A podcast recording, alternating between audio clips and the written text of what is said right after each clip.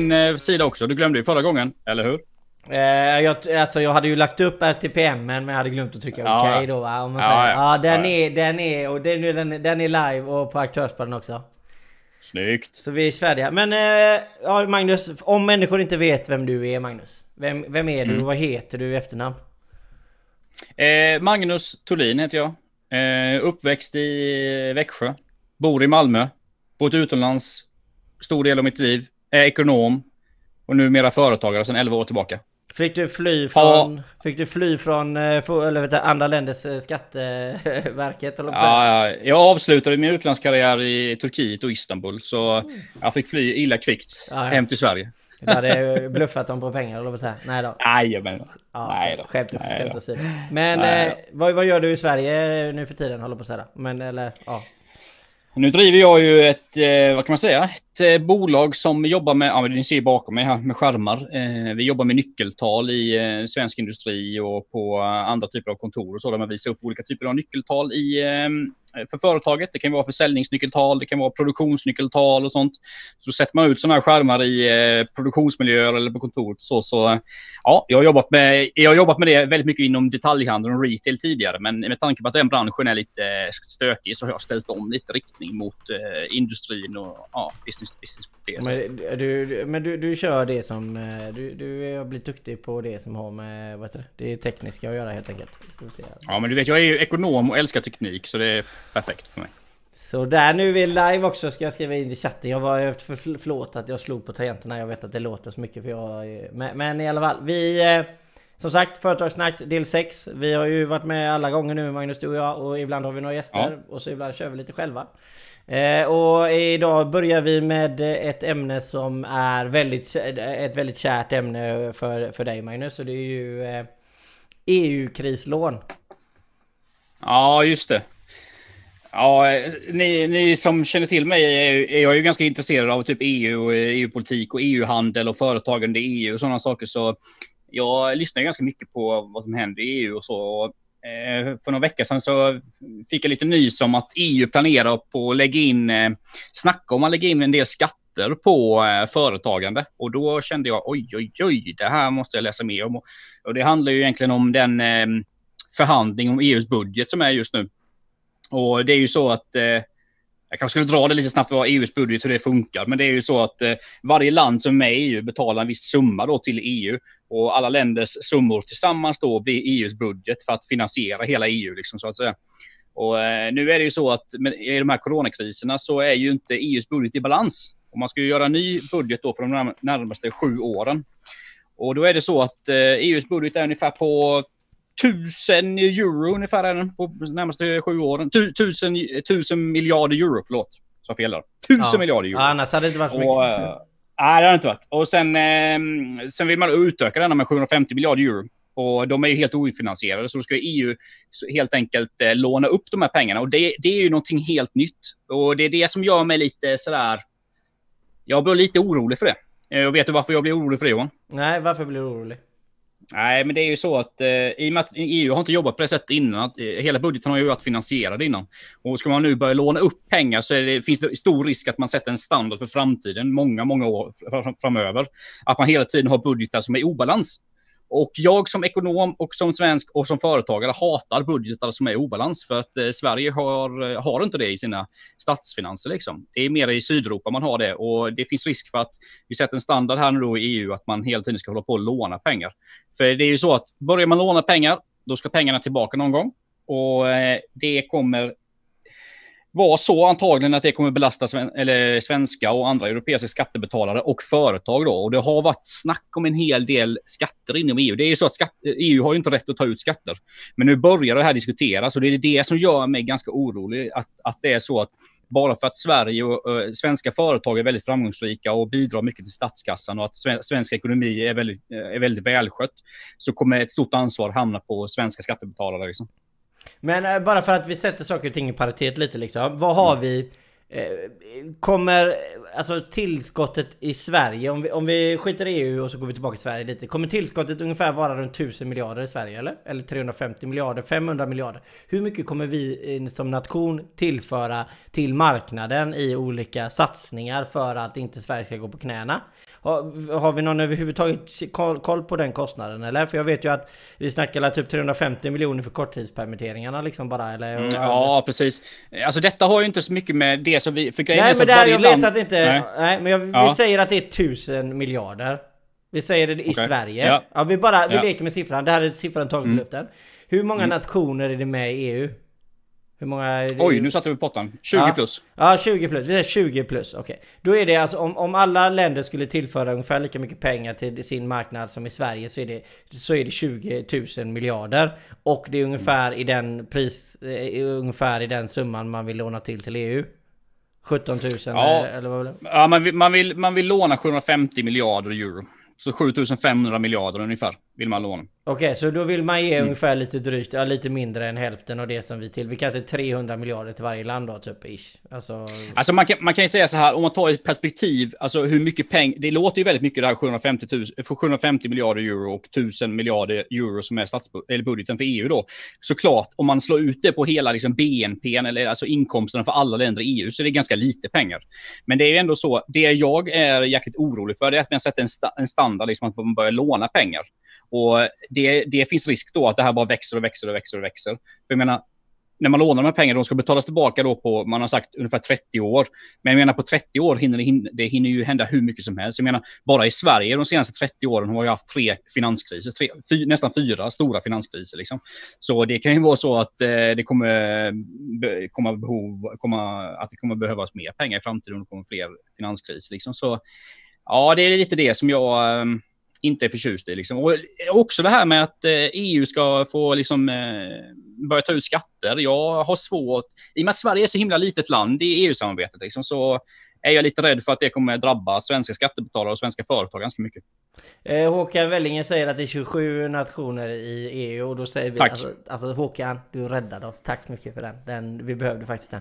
Eh, eftersom jag, men, men i alla fall, ja självklart för då blir du på skatt på skatt. Då har vi en, en EU-skatt och sen har vi en svensk skatt. Eh, och, och mm. eftersom vi i Sverige har redan ett väldigt högt skattetryck på företagare i Sverige så då kommer vi få ett ännu högre skattetryck. Eh, och även om det kanske inte rör sig om extrema stora procent så blir ju det extremt mycket i kassan för en egenföretagare som inte har så mycket att, att komma med från första början. Om man mm. säger så. Eh, men i alla fall, okay. Nej men det, det är ju så. Och, um, Hur ska det finansieras?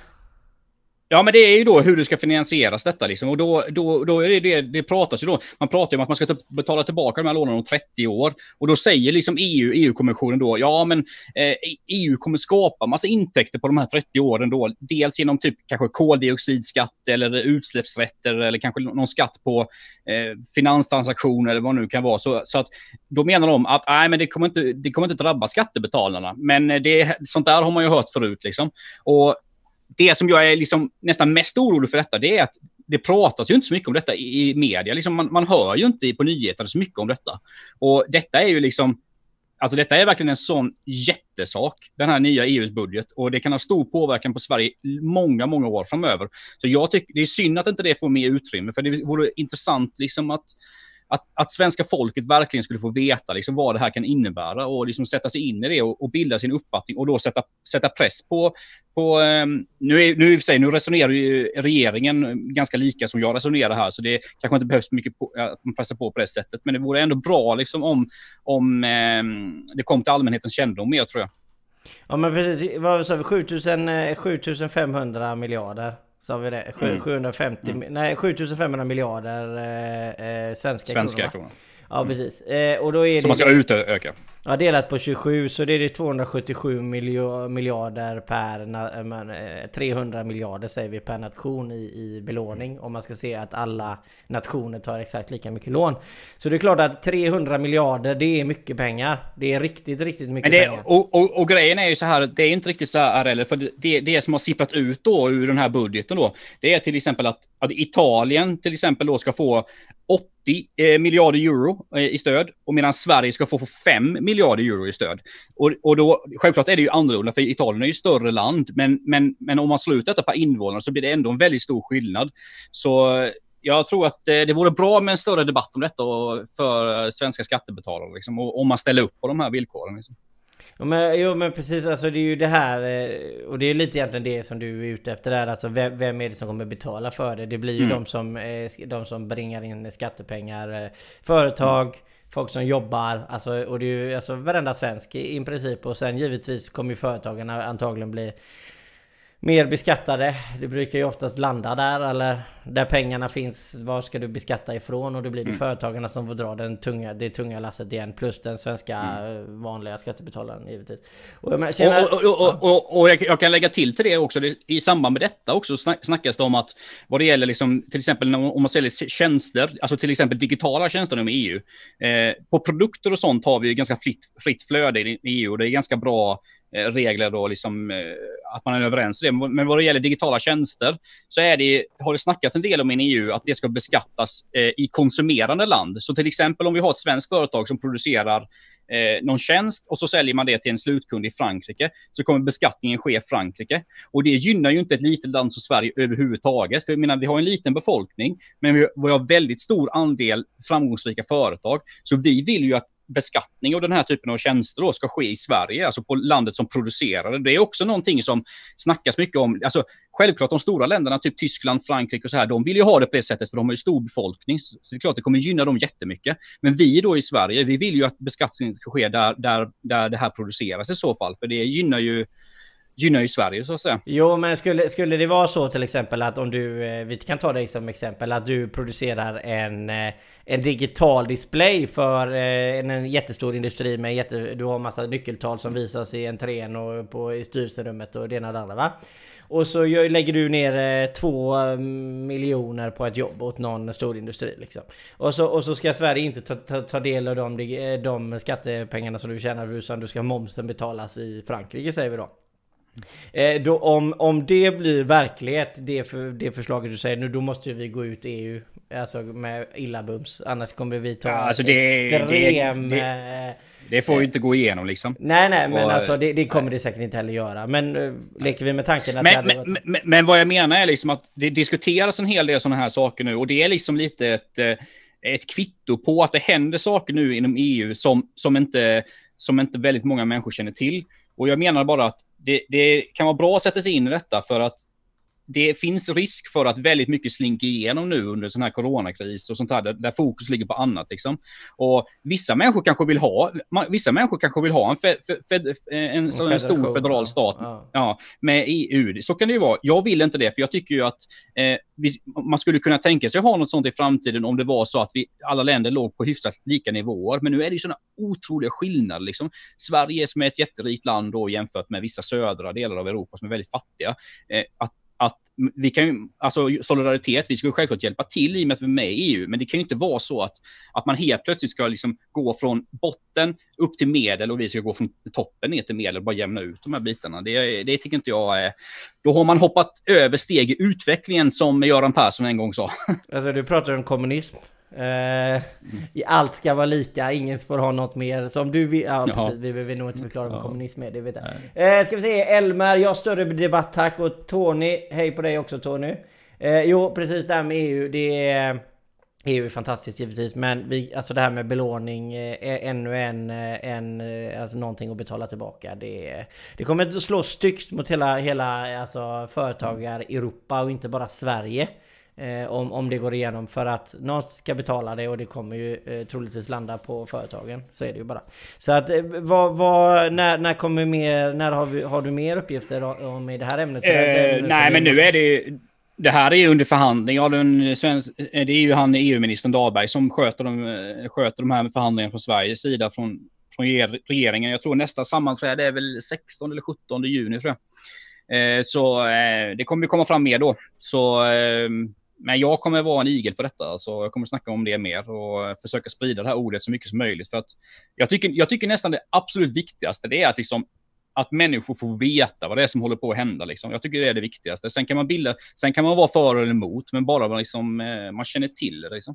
Jo precis, alltså, och det, det, alltså alla människor går ju igång på olika saker. Vi säger att du sitter där ute och så får du veta att en VD till exempel får en eh, ett eh, eh, vad heter, fallskärm på 3 miljoner kronor. Och sitter man där hemma kan man göra och tycka fy fan vad dåligt. Det, det skulle de, ah, det är skit och skit. Okej, då kanske man som människa går igång på det. En annan människa tycker det är skitjobbigt. Ah, fan ska man betala ännu mer sjuklön till exempel och ännu mer pengar. Det är en miljon där till liksom. Ah, precis. Och då, då snackar vi ju ändå liksom eh, stora pengar. Men nu, nu snackar vi alltså 300 miljarder som svenska skattebetalarna ska få till liksom. Det är liksom inte att vi har råkat bygga en park i onödan där ingen besöker för, eh, för en halv miljon. Eh, som kan stå i tidningarna och då är folk skitirriterade över detta. Liksom. Precis. Liksom, herregud. Precis. Det är shit Precis. vad politikerna spenderar pengar i onödan liksom. Och så sitter det ett avtal som eh, håller på att skrivas som inte ens vi vet om på 300 miljarder liksom. Alltså, mm. Mm, det här måste du vara på Magnus alltså. Det här får du vara en ja, ja, absolut. på alltså. Tyvärr, eh, tyvärr tror jag inte jag kommer vara så jätteframgångsrik. För att eh, det är ju ändå så att, alltså nu är det ju så här att det här har ju ingenting vad jag står liksom politiskt. Det, det, de flesta partier i Sveriges riksdag är liksom eniga när det gäller, gäller detta. Och tyvärr är det så att vi är ju, Sverige är ju en minoritet liksom eh, bland de länder som tycker så här i Europa, så, eller inom EU. Så ja, jag är väl inte så jätteoptimistisk tyvärr när det gäller detta. Faktiskt. Elmer tycker ja, att det är Grekland och Italiens tur att betala, betala. Och inte Sveriges tur att betala. Är det, kan, man, ja, kan man tycka så?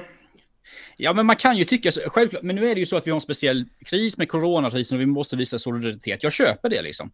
Men, men det kan inte, på något sätt är det ju så att vissa länder måste liksom ställa om sina ekonomier så att de, vi snackar ju väldigt mycket om livskraftiga bolag just nu. Det hör man ju i media hela tiden. Livskraftiga bolag. Och Sverige är ju en livskraftig ekonomi som land. Men grejen är att det finns ju mängder av länder som inte är livskraftiga ekonomier. De ligger på underskott år efter år efter år och måste låna pengar för att finansiera sin sjukvård och skola och vad det nu kan vara. Liksom. Men då måste vi kunna ställa krav att om vi nu ska ha en sån här ordning i EU med solidaritet, då måste, liksom, då måste ju ekonomierna vara livskraftiga. Likadant som vi håller på att snacka om livskraftiga bolag nu liksom i den svenska debatten. Ja men Anna, Anna, alltså om du inte är livskraftig så får du gå i konkurs liksom. Och, så, och det funkar mm. ju för ett företag att göra det. Det kanske mm. inte funkar lika lätt för en nation när sjukhusen stannar och allting liksom. Mm. Det handlar ju om att ha, att ha eh, politiker som tar ansvar. Alltså, och, och så är det ju bara. Eh, och, mm. men det, det är ett hett ämne eh, Magnus och det hoppas jag att det, det släpper inte du eh, överhuvudtaget utan det tar vi upp eh, Kanske till och med nästa gång eller eh, vi kanske tar upp det nästa avsnitt lite grann också. Eh, beroende på lite vad ja, som har Vi får se om det har kommit något nytt. Ja, precis. Eh, eh, så går vi vidare på någonting som heter lagen om eh, anställningsskydd, och säga arbetsrätten. Ja, just det. Just det, den ska vi snacka om idag. Jag, eh, jag, jag har försökt satt mig in hyfsat väl i detta nu och eh, det är ju likadant här. här. Här tänker ju folk väldigt olika. Vissa tycker att detta är jättebra, vissa tycker att det är väldigt dåligt. Facken tycker det är dåligt, arbetsgivarorganisationerna tycker det är jättebra. Ge exempel. Nu är du Magnus, eh, fackpampen. Håller på att säga. För facken ja. låter dåligt. Man är pamp. Ja, det var inte meningen att det var negativt ja. mot... Men eh, du är en fackligt anställd här nu med Magnus. Vad har du för åsikter ja. i ämnet då? Nej, men alltså det är klart att eh, är man, är, representerar man ett fack så är det ju så att den här utredningen, om den skulle bli verklighet, så är det ju så att man får mindre makt. Och eh, alla, alla sådana här organisationer vill ha mycket makt, så är det ju. Eh, det innebär också att de fackliga organisationer oftast så representerar de ju arbetstagaren så att säga, i, i bolag. Eh, och de vill ju att arbetstagaren ska ha väldigt mycket rättigheter. Och det, det köper jag. Det är ju så en intresseorganisation funkar. Liksom. Jag menar, arbetstagarna betalar ju medlemsavgift till LO eller det kan vara för att representera deras intressen. Liksom. Så det är, ju, det är ju inget konstigt med det. Liksom. Och självklart är det ju så att den här utredningen, eh, den, den, den, den vrider ju om lite och förflyttar hela liksom maktbalansen lite. Det, det är klart att den gör. Men sen om det är så att jag kan ju tycka att maktbalansen har varit förskjuten på andra hållet tidigare. Så jag tycker nog att det börjar bli en mycket bättre balans med den, med, med den här utredningen. Då. Eh, så, eh, men det är klart, från en, eh, från, om jag hade varit fackpamp, då, det är klart, då hade jag varit förbannad. För att det här gynnar ju inte mina medlemmar såklart. Och eh, förslaget då som ligger, vad är förslaget då? Ja, det är ju en mängd förslag, men jag kan ju liksom kan ju köra en liten sammanfattning. Och, det är ju så att vi har ju dels har vi turordningsregler i Sverige. Att eh, man, kan, eh, man kan ta två personer som, eh, som slipper detta så att säga. Då. Och detta är eh, på förslag nu att man ska gå upp till fem personer Men eh, okej, okay, men, vi väntar lite där. Så, men bara så, så med, så om vi är tio man eh, på mitt företag mm. eh, så, kan jag, mm. så kan jag säga att eh, Eh, oavsett vem, när de kom in. Vi säger att bara för mm. att du är sist in så behöver inte du mm. vara först ut. Precis. Utan då kan jag säga Precis. att du får stanna ändå Precis. för att du har en kompetens. Ja. ja. Det är, det är turordningsreglerna och mm. det här vill man öka upp till fem då. Och det gäller ju för... Ja, nej, för alla bolag. För, detta gäller för alla bolag. Okay. Så, så det, det, det, är lite skillnad också än vad det varit innan. Så det här kan man göra för alla bolag. Men det är klart att där kommer en hund. Fan vad ja, härligt. Ja, min lilla Simpson. Han vill ligga här med mig och kolla på... Ja, det gör han rätt i. Ja, ja. Eh, men det är klart att detta kommer ju påverka småföretagare mest. Liksom. För jag menar, tio personer på ett jättebolag, det gör ju inte, det gör inte extremt stor skillnad. Liksom. Men på ett mindre bolag så gör det ju väldigt stor skillnad. Liksom. Och så fem personer, om man kan ha det om man kan öka upp det till fem så gör det ju väldigt stor skillnad för småföretagarna. Så, och det har väl varit lite av eh, de som har drivit det här förslaget, då, till exempel Centern och Liberalerna, det har, de har ju förespråkat att det ska gynna småföretagare väldigt mycket. Så, så eh, ja, där har vi det med, med eh, LASen så att säga. Till fem personer, ny, fem nyckelpersoner. Mm, Okej, okay, men fem nyckelpersoner oavsett storlek. Eh, så jag vet att det var, mm. för, det var något förslag upp till att man skulle höja upp det till 20. Okej, okay, men det här är alla där. Men vad för... för eh, det här påverkar ju företagare och det är ju det som vi pratade om förra, gång, förra gången. Mm. Det var ju så här att ska en företagare ha rätt till att säga att nej, jag, jag gillar inte dig. Du, du passar inte in här, du får inte jobba på mitt företag. Eller ska du inte få säga mm. så? Alltså ju, om, du hård, om du hårdrar det så är det ju ja. Antingen får du jobba hos mig eller så får du, eh, så jag vill inte det, så hej då. Eh, eller så är det så att vad är det som, alltså det, om, om man, det, det, detta, detta, är ju, ja detta är också en liksom grej som har kommit in nu då med den här utredningen. Det, och det handlar ju den här, alltså om ogiltig förklara uppsägningar. Eh, det innebär ju helt enkelt att man ska kunna säga upp människor på, eh, på personliga skäl. Men det står också i utredningen att det måste vara på skäliga grunder. Så det, det handlar liksom inte om att eh, bara för att jag tycker du har en jävligt ful frilla Johan, så ska inte jag kunna... Eh, ska inte jag... Alltså, nu jag tycker jag inte det. Jag, jag, jag, kan inte prata, jag kan ju inte prata emot det där. Vad säger ja, ja, ja, det kom den. Då, då, då, då, kan inte jag säga liksom, då kan inte jag säga att du får sparken för det. Så det måste vara på skäliga grunder. Men det är också så här att eh, det har varit nu tidigare att, eh, eller det är ju så fortfarande i och med att de här, de här reglerna är inte implementerade, så är det ju ändå så att det kan bli, om det blir en tvist liksom mellan arbetsgivare och arbetstagare, så är det så att man är anställd kanske under tvisttiden och det kan bli en väldigt, väldigt stor kostnad för bolag under, under den här, det kan ju dra ut Enorma jättelång tid. Ja. ja, ja, det kan ju dra ut väldigt lång tid och det ska man försöka plocka bort så att eh, man ska kunna säga upp människor på plats. Och är det så då att till exempel att en domstol kommer, eh, kommer fram till att man har gjort fel vid den här uppsägningen, då ska man kunna bli kompenserad för lönebortfall och så. Så det här är ju ett sätt att få ner eh, arbetsgivares kostnader i tvister och så. Och det är självklart. Det är självklart. Detta är ju någonting som inte LO och de tycker om, för det, detta kommer gynna eh, företagarna och entreprenörerna mer än arbetstagarna. Men man ska, man ska inte säga så här att det handlar om att, som jag sa innan, det kanske är ett dåligt exempel, men att jag bara ska kunna gå in och peka, liksom, ah, du får sparken, du får sparken, du får sparken. Det måste finnas skäliga, eh, det måste finnas, finnas skäligt, annars kan man ju ta detta till, till domstol helt enkelt. Men Johan, som du vet också, det här med tvisterna, det kan bli extremt kostsamt för bolag. Liksom. Och speciellt för mindre bolag. Så eh, ja, jag tycker det är ganska bra att, vi, att det blir lite mer klarhet här alltså. Eh, Tony säger, kommer medbestämmandelagen ändras?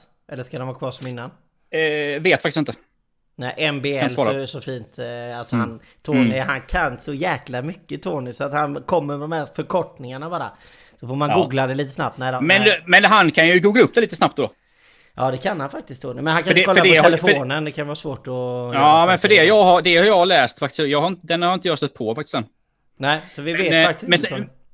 Nej, och sen är det också, men det är också så här, eh, vad som också kommit fram då kan man säga, det handlar ju om detta med omplaceringar. Jag är inte så extremt eh, insatt i vad det gäller omplaceringar, för jag har inte faktiskt jobbat på den typen av bolag där man har gjort mycket typer av omplaceringar vid arbetsbrist då.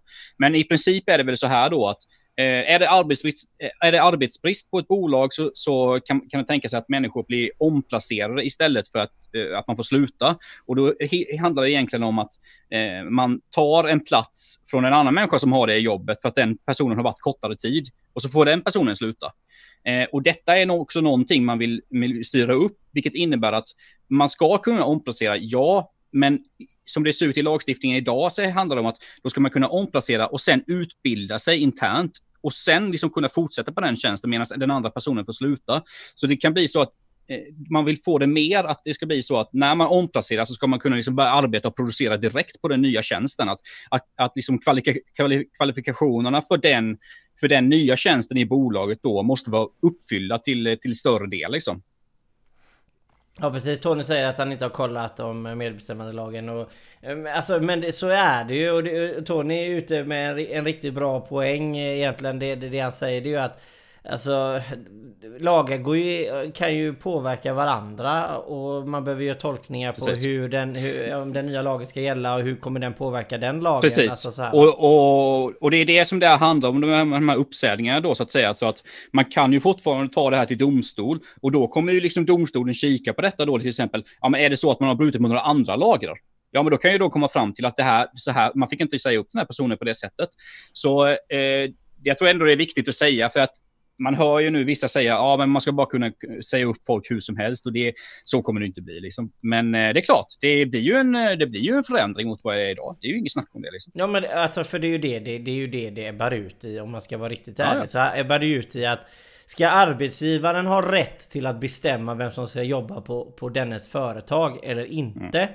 Och, och, mm. och, och, där finns ju egentligen inga gråzoner utan antingen är det ja Företagen ska kunna bestämma vem som jobbar på företaget eller nej, det ska inte göra det. Sen givetvis, så, så precis som du säger eh, Magnus, det är ju självklart att man måste ju bete sig vett och etikett och kutym. Man måste ju förstå att man kan ju inte bara uh, runda, alltså bara uh, skaka om någons liv och säga att nej, där är dörren, nu får du gå, jag har en dålig dag liksom. Alltså, ja. nej, det, det är ju så. Men, men, men, men alltså, det, det, man kan ju ta ett exempel då vad det gäller liksom annan lagstiftning. Säg att jag säger till dig Johan, nej du får sparken för att eh, jag, tycker, jag tycker inte om att du är man, till exempel. Ja, ja då, då, då, kommer du ju bryta mot diskriminering. Liksom. Så det blir diskrimineringslagen. Och då kommer ju inte den vara giltig, den uppsägningen. Liksom. Nej, så det, det, finns ju, det finns ju en mängd olika lagar som måste uppfyllas för att man ska kunna säga upp människor ändå. Liksom.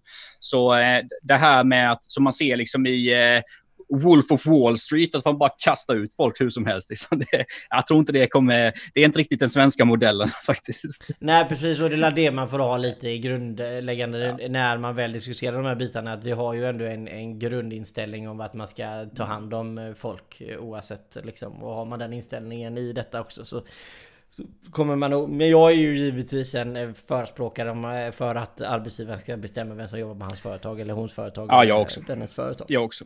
Ja. Jag också. Men det vore ju konstigt annars med tanke på att, det är att vi är arbetsgivare och företagare också för den delen. Liksom. Ja, precis. Jo, så är det ju. Men jag försöker oftast tänka alltså dels från allas perspektiv om man säger. Och jag menar mm. Eh, sen är det ju oftast att, skulle vi säga att det finns ju det, den aspekten är att om man jobbar någonstans och man inte trivs Oftast om man inte trivs och man visar upp ett missnöje och arbetsgivaren försöker hjälpa dig men du inte mm. gör någonting åt Så betyder det att det kanske ibland den här flexibiliteten kanske gjort till att det blivit lite mer välmående också. Alltså, ja. Ja, det men det är ju, vi, alltså vi har ju varit inne och snackat om mycket Johan, du vet det här med småföretagare, att det är den nya arbetarklassen och sånt där också. Och jag menar... Fattigpensionärerna. Det är ändå så, Ja, men det är ju ändå så i Sverige är det ju så att småföretagarna drar in en väldigt, väldigt stor del av inkomsterna till samhället. Eh, så jag tycker ändå det är bra att man har fokuserat liksom, i den här utredningen ganska mycket på småföretagare.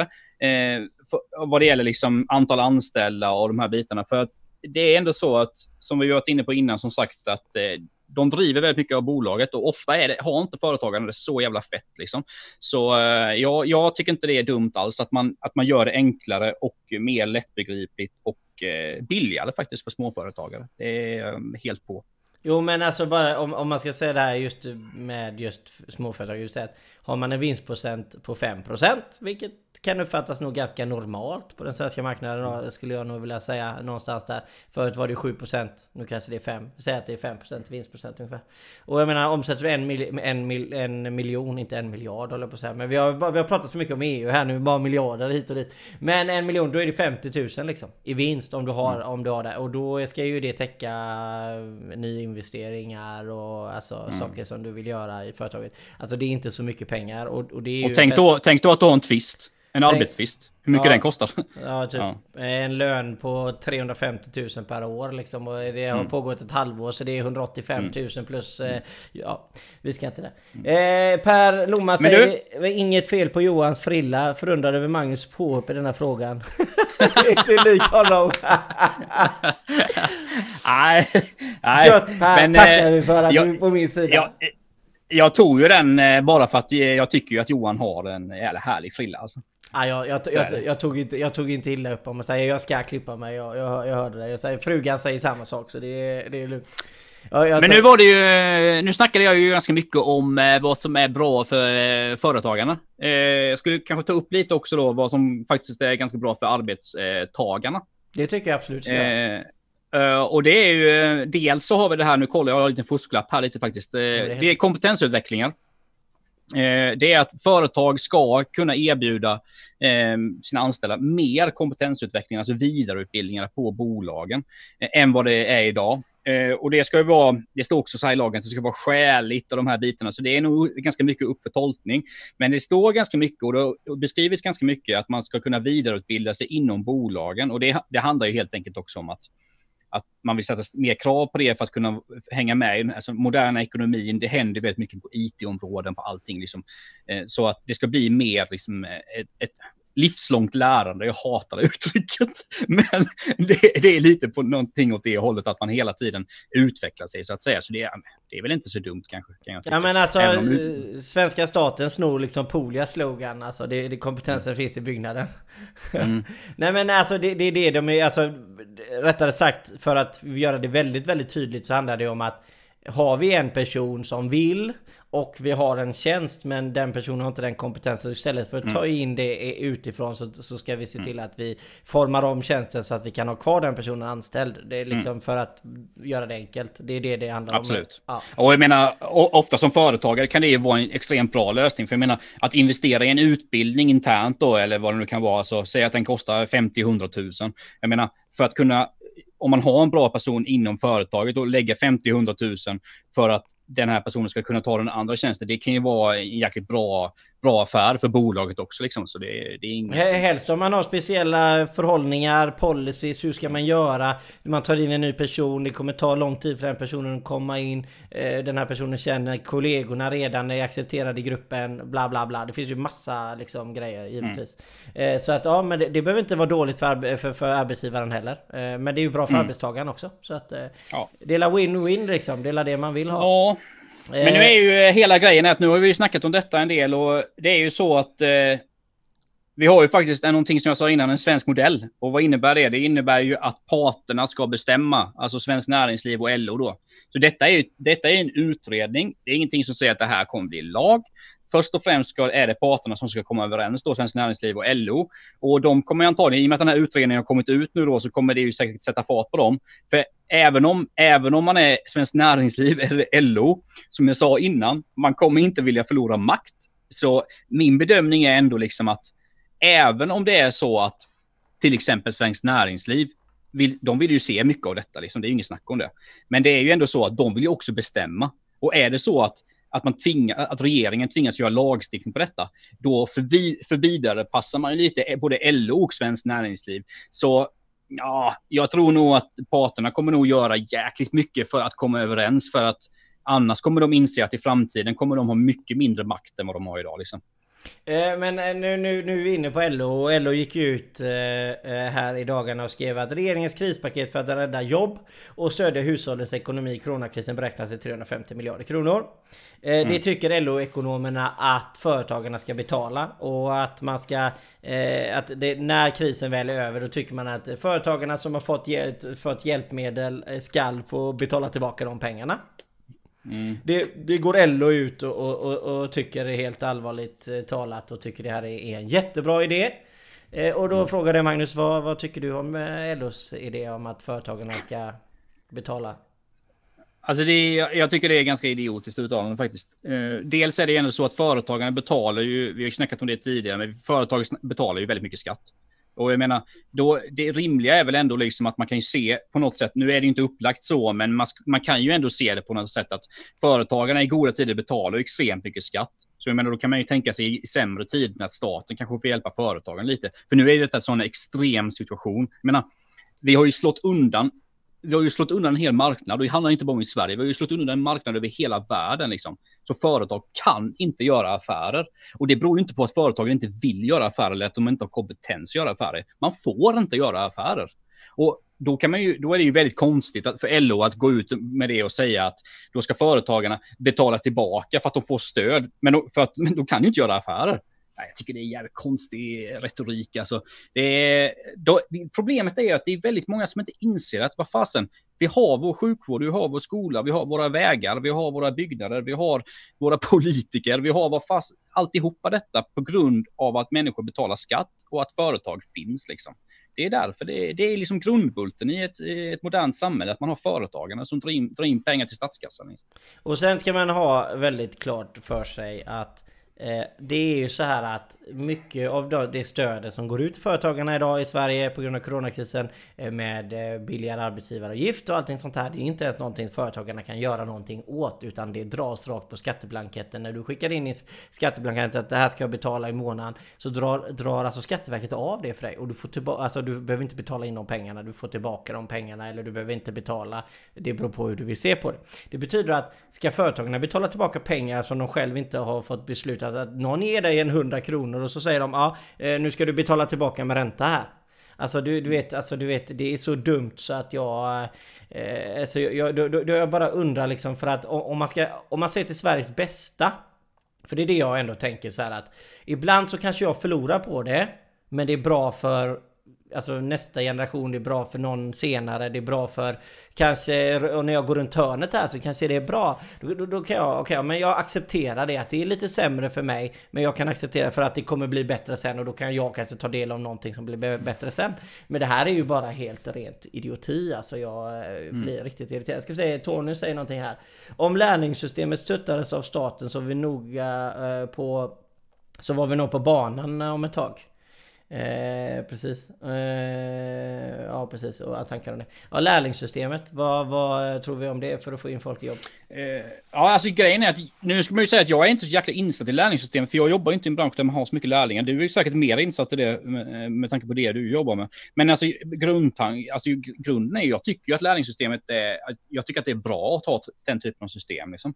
För att eh, det är ju ändå så att eh, att eh, det har visat sig liksom på många ställen. Tyskland har ett jäkligt bra lärlingssystem och det har ju visat sig att man drar in, man, man får människor i arbete. Så jag, eh, det jag har hört och det jag har läst om lärlingssystem så, så är jag liksom i grunden jäkligt positiv till det. Liksom. Ja men alltså jag, jag tror ju, alltså, jag, jag, tror inte egentligen, alltså jag tror lärlingssystemet är ett fantastiskt bra system. Eh, med tanke på om man vill ha, eh, man får ju en snabbare kompetens i yrket om man börjar med yrket tidigare och man är intresserad mm. av det yrket man väljer. Men må, många gånger så tror jag också att det har med med saker och ting som är lite svårare att ta på, kanske uppfostran. Och sen är det också att bli lite mogen också. Eh, jag mm. tror att dels att givetvis att ett lärlingssystem finns och man kanske blir lite mognare för att man behöver ta lite mer ansvar tidigare och, och sånt här. Så det har, det har med lite olika faktorer tror jag om, om det ska funka och faktiskt att eh, det har lite med samhällsattityden att göra inför saker och ting. Eh, har, har man rätt attityd då kan man ju göra det mesta och mm. det är lite det jag tror också. Men det, det, är absolut inget fel. Om man, om man, jag tycker valmöjligheter. Det borde kunna finnas som en valmöjlighet. Om man vill gå den ja. vägen. Absolut. Ja. Tycker jag är inga konstigheter. För att wrappa upp det där lite med arbetsrätten så är det ändå så till slut att säga, om inte parterna kommer överens då, då, då är det ju eh, lagstiftning som gäller från riksdagens sida och i så fall skulle det här komma träda i kraft eh, första januari 2022 står det också i den här utredningen. Men nu har ju, ja vi får se. Eh, Socialdemokraterna har ju redan varit ute och sagt att eh, om inte parterna kommer överens så kommer de vilja omförhandla och så där. Så jag tror definitivt inte vi har hört det sista av detta. Eh, snarare att vi har hört eh, absolut bara början av det här faktiskt. Jag, jag ska inte vara sån. Jag är ju företagare och inte politisk. Men januariavtalet har ju brutits redan. Men det är bara andra gången det bryts. Så att vi får se om det är tredje gången giltigt. Ja, ja, men ja. Eh, Johan, du, du följer ju mig så du vet ju att jag är ute och svingar om det väldigt Jag vet, jag, jag vet att du är det om man säger. Jag är faktiskt så... Alltså även, även om jag tillhör ett parti som ingår i januariavtalet så är jag tycker ju att januariavtalet redan har brutits. Så är det ju. Det är ju ingen hemlighet. Eh, men visst, eh, jag tycker att denna punkten är jäkligt bra i januariavtalet. Eh, så jag vill ju gärna att den ska genomföras. Självklart. Men den här, den här punkten kommer vara, om, om man ska säga, den här är ju skarpare. Om man säger. Skulle den här brytas så, nu ska vi inte prata politik men eh, som sagt, jag, jag, tror att det, det här blir en mer förödande konsekvens för de partierna i den, i den sammanhållningen. Om det här inte går igenom, det tror jag ju. Alltså den här punkten är eh, den är livsviktig för Precis, det, det, det, det, det brinner till i knutarna kan man säga. För, för vara... Ja, ja, ja. Alltså om inte det här genomförs, då ska du få se på Magnus Thulin. Då jäklar. Då, då, då ska vi se. Men nu när det brinner till i knutarna. Ja. Nu ska mm. vi prata om någonting som ett ämne som är dels filosof filosofiskt men även grunden för företagande i Sverige idag. Och, och det vi ska prata om är, är lag och ordning. Eh, och mm. varför den här situationen har brunnit upp och är alltså på varenda människas läppar idag egentligen. Det har ju med de här demonstrationerna som eh, skedde här nu i både Stockholm och, och Malmö när tusentals människor går ut och eh, tar till, till gatan liksom för att demonstrera för en person har gått bort. Eh, och rasism och lite de här sakerna. Eh, och jag skrev ett inlägg om detta ämnet igår eh, med företagare som har fart illa, som inte kan bedriva sina verksamheter, som får stänga igen sina verksamheter, som inte har några kunder. Eh, som får stänga igen för eh, regeringen och sagt att du får inte bedriva verksamhet längre. Och så ser man att så här många tusentals människor går ut och bara totalt fullständigt skiter i i, regler, de skiter i ordning, de skiter i överhuvudtaget allt som har med ordning och lag att göra. Och till och med att man ser poliser som inte ens bryr sig om lag och ordning heller. Och jag, och jag måste, om vi börjar där. Vad, vad, är din första take på den här situationen eh, Magnus? För att jag, jag brann till rejält kan jag säga. Du nämnde det där med polisen också, då måste jag ta och snacka lite om det jag sagt sen. sen, sen ja, just, ja, ja, nej, men, men, nej, men grejen är ju så här att visst, alltså man kan ju på något sätt kan man ju förstå att människor är, vill demonstrera och sådär.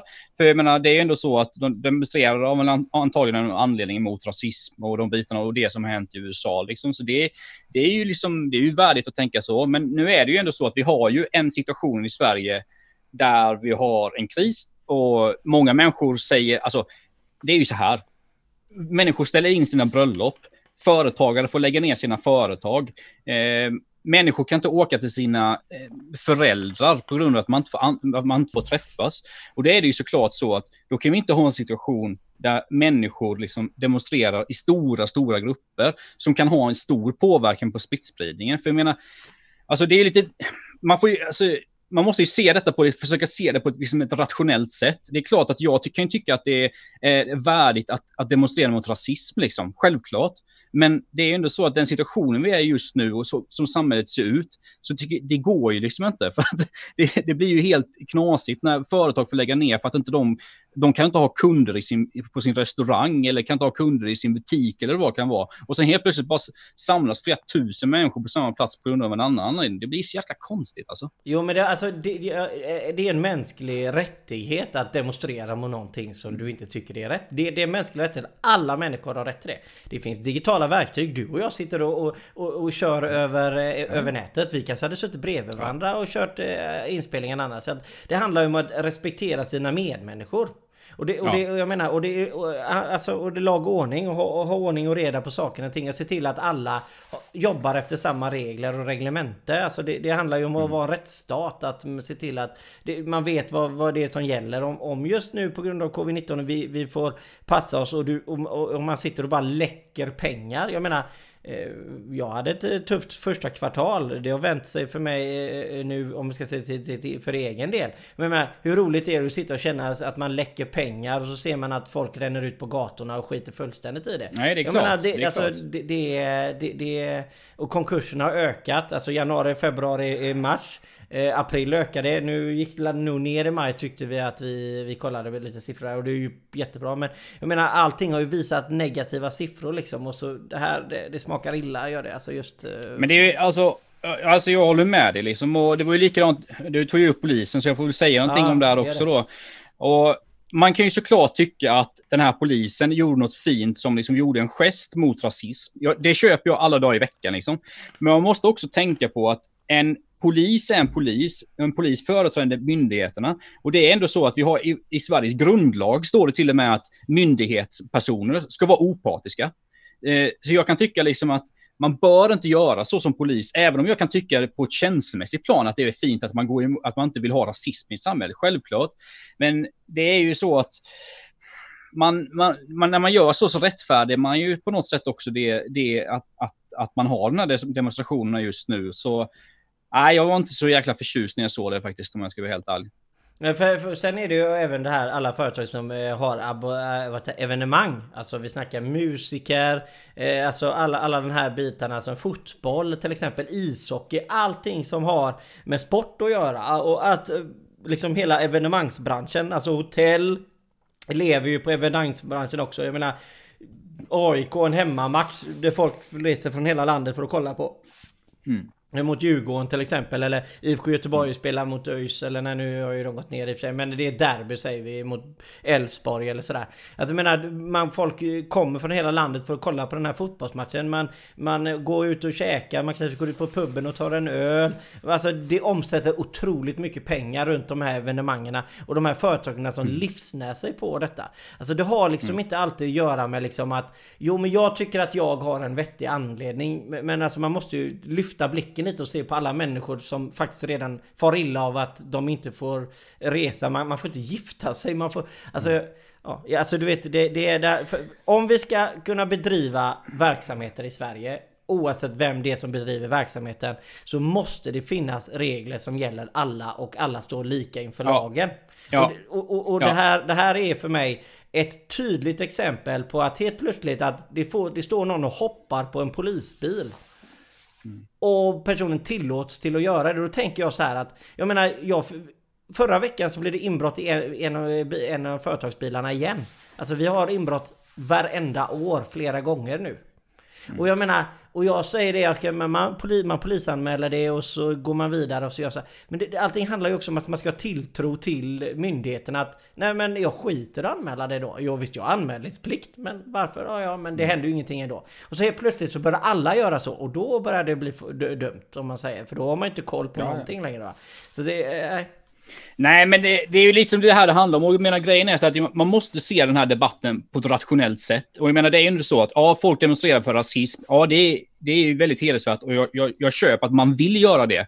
Men det är ju ändå så att vi har en situation i Sverige just nu där, där, liksom, där reglerna säger att man får vara 50 personer och samlas. Liksom. Du, måste ju, du måste ju hålla detta, för menar, annars den här strategin som vad, vad man ens tycker om Sveriges strategi, så jag kan ändå tycka att vi, om att vi har ett öppet samhälle, att man kan röra på sig. Det köper ju jag. Men grejen är att det bygger ju på något sätt att det inte samlas sådana här stora folkmassor. För är det så att det håller på att samlas sådana här stora folkmassor hela tiden, då, då går det ju liksom inte. Då går det inte att ha det så här.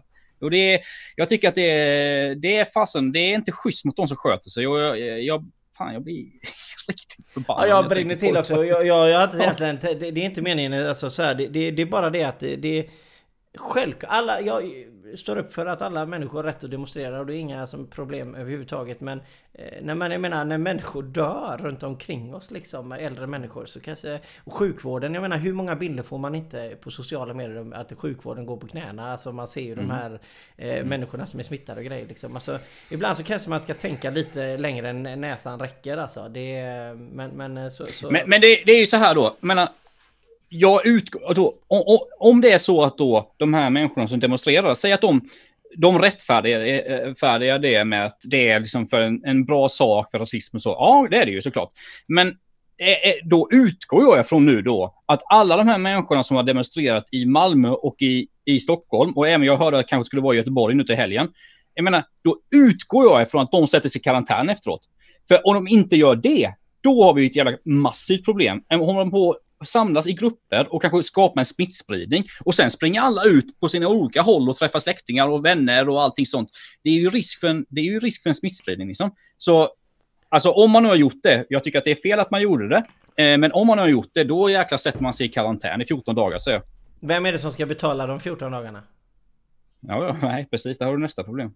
Nej men vem ska betala dem? Självklart så är jag 100% mm. med dig, absolut. Mm. Om man väl har gjort det. Alla, alla människor kan göra saker som kanske inte i, i slutändan blir så bra. Jag tycker man ska inte döma en människa efter, ibland efter det sämsta den människan har gjort. För kan, man kanske har gjort ett jävla dumt tabbe liksom. Absolut, det kan man tycka liksom.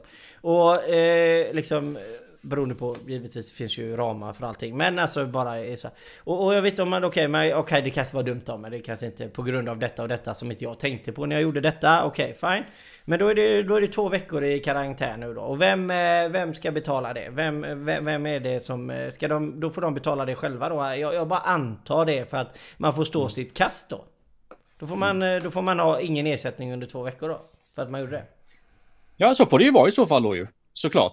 För jag menar, nu är det ju så, du, du snackade ju om sjukvården innan. Jag menar, eh, nu har vi ju varit, jag vet att du, där du bor i Västra Götaland håller ju smittspridningen på att gå upp ganska ja. mycket. I Skåne tr tror jag vi är ganska förskonade än så länge. Men jag menar, kollar man i Stockholm hur du har varit i Stockholm och kollar de människorna som jobbar inom sjukvården då, herregud, de ska antagligen inte få någon semester. De får jobba 12 eh, timmars pass eller vad det nu kan vara. Liksom. Och jag menar, då måste ju vi i allmänheten alla människor se till att det inte kommer in fler på den där förbannade IVA, eh, intensivvårdsavdelningen. Liksom. Så att de, så de här människorna på något sätt kan liksom få en hyfsat normal verklighet också. Och då, eh, även där, det är brist på respekt alltså. Jo men det, och det är lite, eh, och det är just alltså det här med att saker och ting påverkar vartannat. Alltså så är det ju egentligen allting vi diskuterar. Och varför är det inte så att det finns jättemånga som pratar om det jag och Magnus gör till exempel i företagssnack eller så här. Det, det, är bara för att det är oftast väldigt komplexa frågor och det är, ibland kan det vara svårt att prata om på grund av att den ena grejen påverkar den andra som påverkar den tredje grejen som påverkar den fjärde grejen. Så att det här med att man sitter och ibland liksom eh, kör en tankesmedja om hur man ska göra med skatter och grejer. Men det påverkar ju så mycket så att vart, vartannat. Och en sån här grej Eh, det har, det, har inte, det har inte överhuvudtaget med vad det är du är ute och demonstrerar om. Själva ämnet i frågan spelar liksom ingen roll. Även om det är ett bra eh, ämne kanske du tycker som ja, människa. Ja, precis. Eller precis, du kanske tycker precis. det är ett dåligt ämne. Det beror på vilket perspektiv Exakt. du har. Men ja, ja, allting handlar ju bara om att som företagare så måste det finnas alltså regler och, och, spelregler. Hur ska man göra? Om när de spelreglerna sätts i system, vad händer nu då om eh, en jättestor artist går ut och säger jag kommer att ha en spelning nu? Jag menar, det var ju okej okay för dem. Varför ska inte jag få? Varför ska inte den här personen få ha sin spelning då? Alltså jag menar om, om, om 3000, 4000 människor om man säger det Nej men det är tillräckligt stor, eh, stor skara så vi kan inte göra någonting åt det Nej nej okej men uh, Nya Ullevi ska köra spelning nu här nu i tre helger i rad hur kommer Västra Nej, det blir, det blir ju alltså det, det blir väldigt problematiskt det här alltså. Det, det är ju det, det, så är det ju såklart. Det blir väldigt problematiskt alltså. För det måste, lagen måste vara lika inför alla liksom. Och det, ja, det, det tror jag vi, det, vi, vi, vi flesta skriver upp på. Så att, jag menar i höst för företagande liksom. Om man sitter där och, och sitter riktigt illa ute och eh, Jag menar vi, vi har ju sett, även om man följer USA lite som jag tycker är lite intressant att göra där var det företag som krossade eller gick över linjen, krossade linjen om man säger. Eh, med att öppna upp sina verksamheter igen när de inte fick. Eh, liksom. Mm. Och polisen mm. Eh, stängde, igen, stängde ner verksamheten igen. Och det, det, handlar ju om av eh, respekt mot medmänniskor som företagare att man tar en ekonomisk förlust för att inte mm. människor ska dö. Alltså, mm. ja. Jag ska se nu. Ja. Jag får, jag, får, jag, ja. får, jag, får, får jag avsluta ämnet bara? Nej, men jag, alltså, jag vill ändå bara säga det alltså, vad det gäller den här polisen. Alltså, jag är egentligen inte emot alltså, den här perso polisen personligen. För jag tror att man, kan, man, alltså man, man gick ju efter sina värderingar liksom antagligen och gjorde detta. Och, men det är ju ändå så att jag till exempel, jag är nämndeman i Malmö tingsrätt. Eh, det är ju ändå så att jag pratar inte om det så ofta för att jag tycker ändå att det hör till. Det är liksom inte någonting som jag behöver skylta om att jag är nämndeman i Malmö tingsrätt. För när jag är i Malmö tingsrätt då, då, då företräder jag ju en myndighet som är Domstolsverket. Liksom. Eh, jag, har ju min, jag får en viss ersättning för det då ju från Domstolsverket. Och det innebär ju helt enkelt att jag då som representerar ja, staten i någon mening, då måste jag ju hålla opartisk. Jag kan ju inte liksom låta mina värderingar, säga att jag sitter i ett mål, bara för att inte jag gillar det målet handlar om. Till, om man säger att det handlar om barnpornografibrott, jag hatar ju barnpornografi. Men det, jag måste ju ändå för, på något sätt hålla mig till lagen när, när, man sitter och dömer i ett sånt mål det, det, spelar ju ingen roll om, om jag kokar inombords. Jag kan ju inte, liksom, jag kan inte sväva ut bara för att jag, tyck, bara, bara för att jag tycker någonting känslomässigt och min, värderingsmässigt. Så det är ändå så att representerar man en myndighet, då måste man hålla sig opartisk. Jag tycker det är, är skitviktigt. Och jag menar, Sverige är ju byggt, Sverige är byggt på lagar, liksom. det är det det handlar om. Men eller, eller vadå, ska inte vi alla bli såna här eh, Instagrampoliser? Och eh, ja. Alltså ta bilder på när vi är ute och griper någon eller när vi eh, plockar en blomma eller eh, pratar. Konstigt, jag har väldigt få bilder när poliser tar en företagare i handen och skakar näve och ja. åker ut och tar en kaffe med ja. en företagare. Men eh, nog om det. Eh, ska vi se, tummen mm. upp säger Tony till Magnus. Fan. Tack. Att du alltid får de här superlativerna liksom. Alltså det är konstigt Magnus. Alltså en annan är, jag försöker jobba på det varenda gång. Men jag får ändå som Per sa ju ändå att jag hade trevlig frisyr. Det får jag ändå. Det ja, ja. Jag ändå, absolut. Liksom, jag tror Per, per, jag tror jag vet, om det är den Per jag tänker på som jag tror det är, så sa han faktiskt till mig här i veckan att du var jäkligt bra. Du var bra moderator, sa Ja men det var underbart att höra. Eh, det, tack eh, Per genom Magnus. Eh, eller så säger Magnus det bara för att vara snäll. Nej, det gjorde jag faktiskt inte. Nej, det är bra. Du, jag ger inte komplimanger om jag inte menar det. Nej, det är gott. Det, det är då de är värda mest. Jajamän. Eh, nej men Magnus, alltså vi, vi har ju kört på i 55 minuter och jag menar är det någonting ni i chatten vill ta upp så, så har ni ett par minuter på, oss, eh, på, på er om man säger annars får vi bara... Jäklar vad snabbt det här avsnittet gick. Shit! Ja, men för, förra alltså- avsnittet gick fort också. Det gick alltså en ja, timme ja. bara. Alltså det, bara... alltså det blir så när man bränner igång lite du vet och eh, blir engagerad i vissa ämnen så där, då går det ruggigt fort alltså. Men jag, jag, tycker ändå vi försöker hålla det på en bra nivå. Jag tycker ändå att vi... Alltså vi, vi räds inte alltså det här med att ge ordet eh, liv. Alltså att man... Man ska inte... Man, alltså... Eh, vissa människor kan tycka ibland att Men varför pratar du med den personen? Till exempel så här. Och då tycker mm. jag att man får aldrig säga nej till ett samtal. Det är inte så att om jag pratar med Magnus och Magnus gillar röda bilar och jag gillar, gillar svarta bilar. Eh, det är ju inte så att eh, vi, vi kan ju ändå diskutera bilar även om vi står mm. på olika flanker. Alltså, man, man, ska aldrig säga nej till att bjuda in någon till samtal. Jag tror att det är väldigt berikande att lyssna på någon ibland som inte tycker likadant som du. Nej, men jag håller med dig. Och jag menar grejen är att det är ju ganska slitet uttryck, men mångfald handlar ju väldigt mycket om att, att jag tycker någonting och så tycker du någonting. Och så kan vi ändå diskutera det även om vi inte håller med varandra. Och det är väl ändå det som är, herregud, om vi ska leva i det samhället vi gör, i en öppen värld med en demokrati och, och alla de här bitarna, då måste ju liksom, då måste man ju fasen få säga vad man tycker, även om jag kanske tycker att den personen inte har rätt. Liksom, det viktigaste är att man kan prata om det. Ja precis. Och det är viktigt. Och det är, och det är också det man pratar om eh, det, det pratar vi också om, om det här mångfalden inom företagande. Det är ju alltså olika mm. typer av verksamheter. Det handlar kanske inte så mycket egentligen om vem, vilken person det är som driver företaget. Det handlar ju om att ett litet stort bolag med tre anställda, två anställda. Jag menar vi kan Jag och Magnus, det är, det är ganska roligt. Om jag och Magnus öppnar upp ett företag som både ska sälja bilar Så kommer vi inte bedriva verksamheterna på samma sätt även om vi bedriver samma grej Det är ju ändå, det är ju det som är det sjuka liksom. Och det är där, det är, det är där så det är så intresserat. Eh, Tony skriver att du alltid är en high five från mig. Eh, ja, tack Tony, det är skönt och, och uh, underbart. Tony skriver, jag tycker jag skriver mycket. Men jag vill och önskar att fler skriver, säger Tony. Eh, alltid blir att eh, fler pratar. Och det... jag missar det? ju, jag, alltså jag missar ju alltid massa frågor. Jag får så jäkla ångest. Varje gång så har jag alltid missat massa frågor. För du vet, jag får frågor ibland på Instagram och så. jag brukar ju alltid promota det lite på typ social, olika, andra sociala medier liksom. Så, så gör man något inlägg, så har man frågor där, eller så har man några PM där. Så jag brukar alltid missa massa frågor, men jag brukar försöka glida in med det liksom i nästa avsnitt då, liksom att ta upp dem på något sätt eller förklara någonting. Så. Ja men precis, ja, ja. gå in lite på Facebook, skriva i andra hand och ja, sånt. Så. Och det, det, tycker jag är jättebra. Och jag, och jag är 100% med dig Tony. Jag tycker... Alltså det här med människor som... Eh, jag menar jag tror att vi alla människor gör det. Att man skriver ett svar till någon och sen skriver, trycker man kontroll A och så tar man bort det. För att man skriver inte. Okay, det kan vara bra för första gången du skriver något kanske du gör det lite väl hetskt eh, utan du kanske formulerar om det. Men jag tycker det, det viktigaste är ibland att, att få, få monologen till att bli dialog, dialog och det enda sättet är att göra det om du väl säger någonting. Johan, jag håller inte med dig på grund av. Och så har man en vettig samtal om det liksom. Mm. Eh, det mm. håller ett god ton liksom.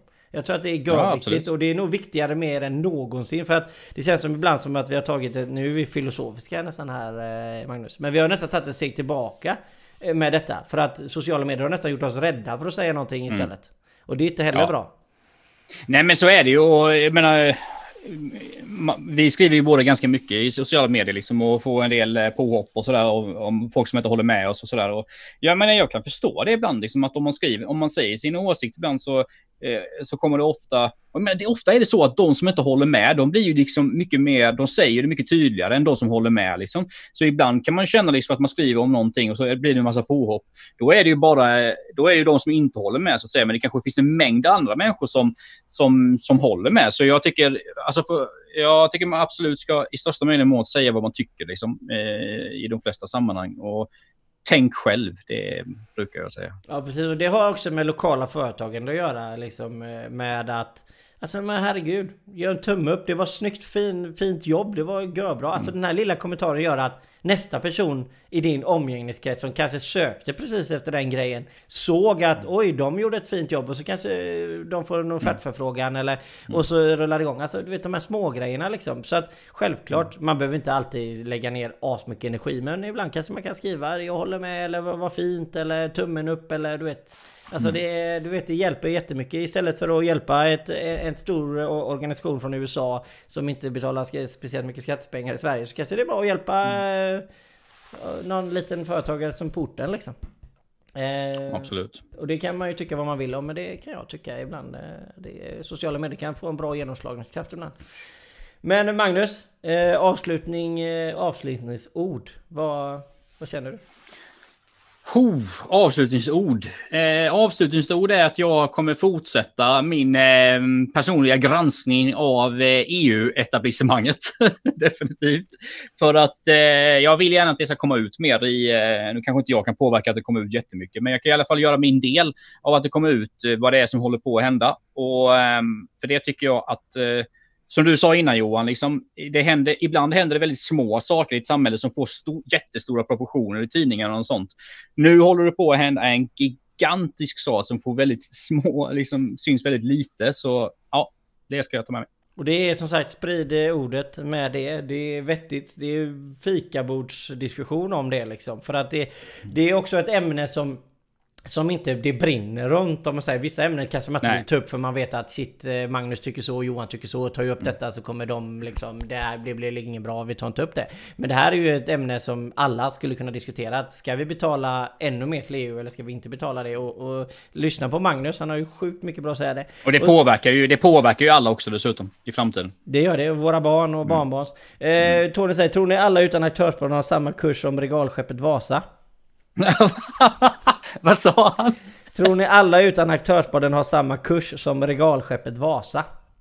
Ja, jag fattar ingenting. Okej, okay. ja, jag, jag förstod eh, Tony och jag tror alltid att det går åt pipan åt alla utan aktörsbaden. Ja, han menar så. Ja, smart. Uh, det var för, det var för intellekt, intellektuellt för mig i direktsändning. Eh, ja men det är bara för att du, du tänker för mycket Magnus. Ja, antagligen. Eh, men alltså grymt tack till dig Magnus. Eh, vi har ju alltid lika trevligt. Herregud. Tack och... själv Johan med den snygga frillan. Precis, ja, det, jag vill säga att det här nättroll, det värsta jag varit med om det var ju när jag hade en liveshow med en kille som sa, någonting om min frisyr. Skämt åsido. Men eh, Eh, grymt, underbart. Eh, och, och, är det så att vi lägger ju även upp det och jag ska trycka lite extra på det nu bara att vi, vi lägger ju upp det alltid att har ni ett ämne som ni väl känner som ni har pratat runt fikabordet där ute mm, under veckan Skriv att det ämnet kanske hade varit intressant för vi tyckte det var intressant. Alltså jag menar, jag och Magnus är alltid upp med den och vi försöker alltid svara på alla kommentarer och, och sånt här. Så jag menar, eh, tycker ni det ämnet är intressant så kommer vi garanterat tycka det är intressant också. Så att, säg till bara. Ja, ja. Och om inte annat så får ni ha en fortsatt trevlig fredag och en underbar helg. Jajamensan, jag ska hem och dricka med en god liten GT tänkte jag. Ha det, det fint. Det ska, jag ska spela padel imorgon vid sju. Så jag måste... Uff, du får ta dig en halv GT då. Ja, jag tar en halv GT. Tack så ja. mycket. Ha det nu så himla gott.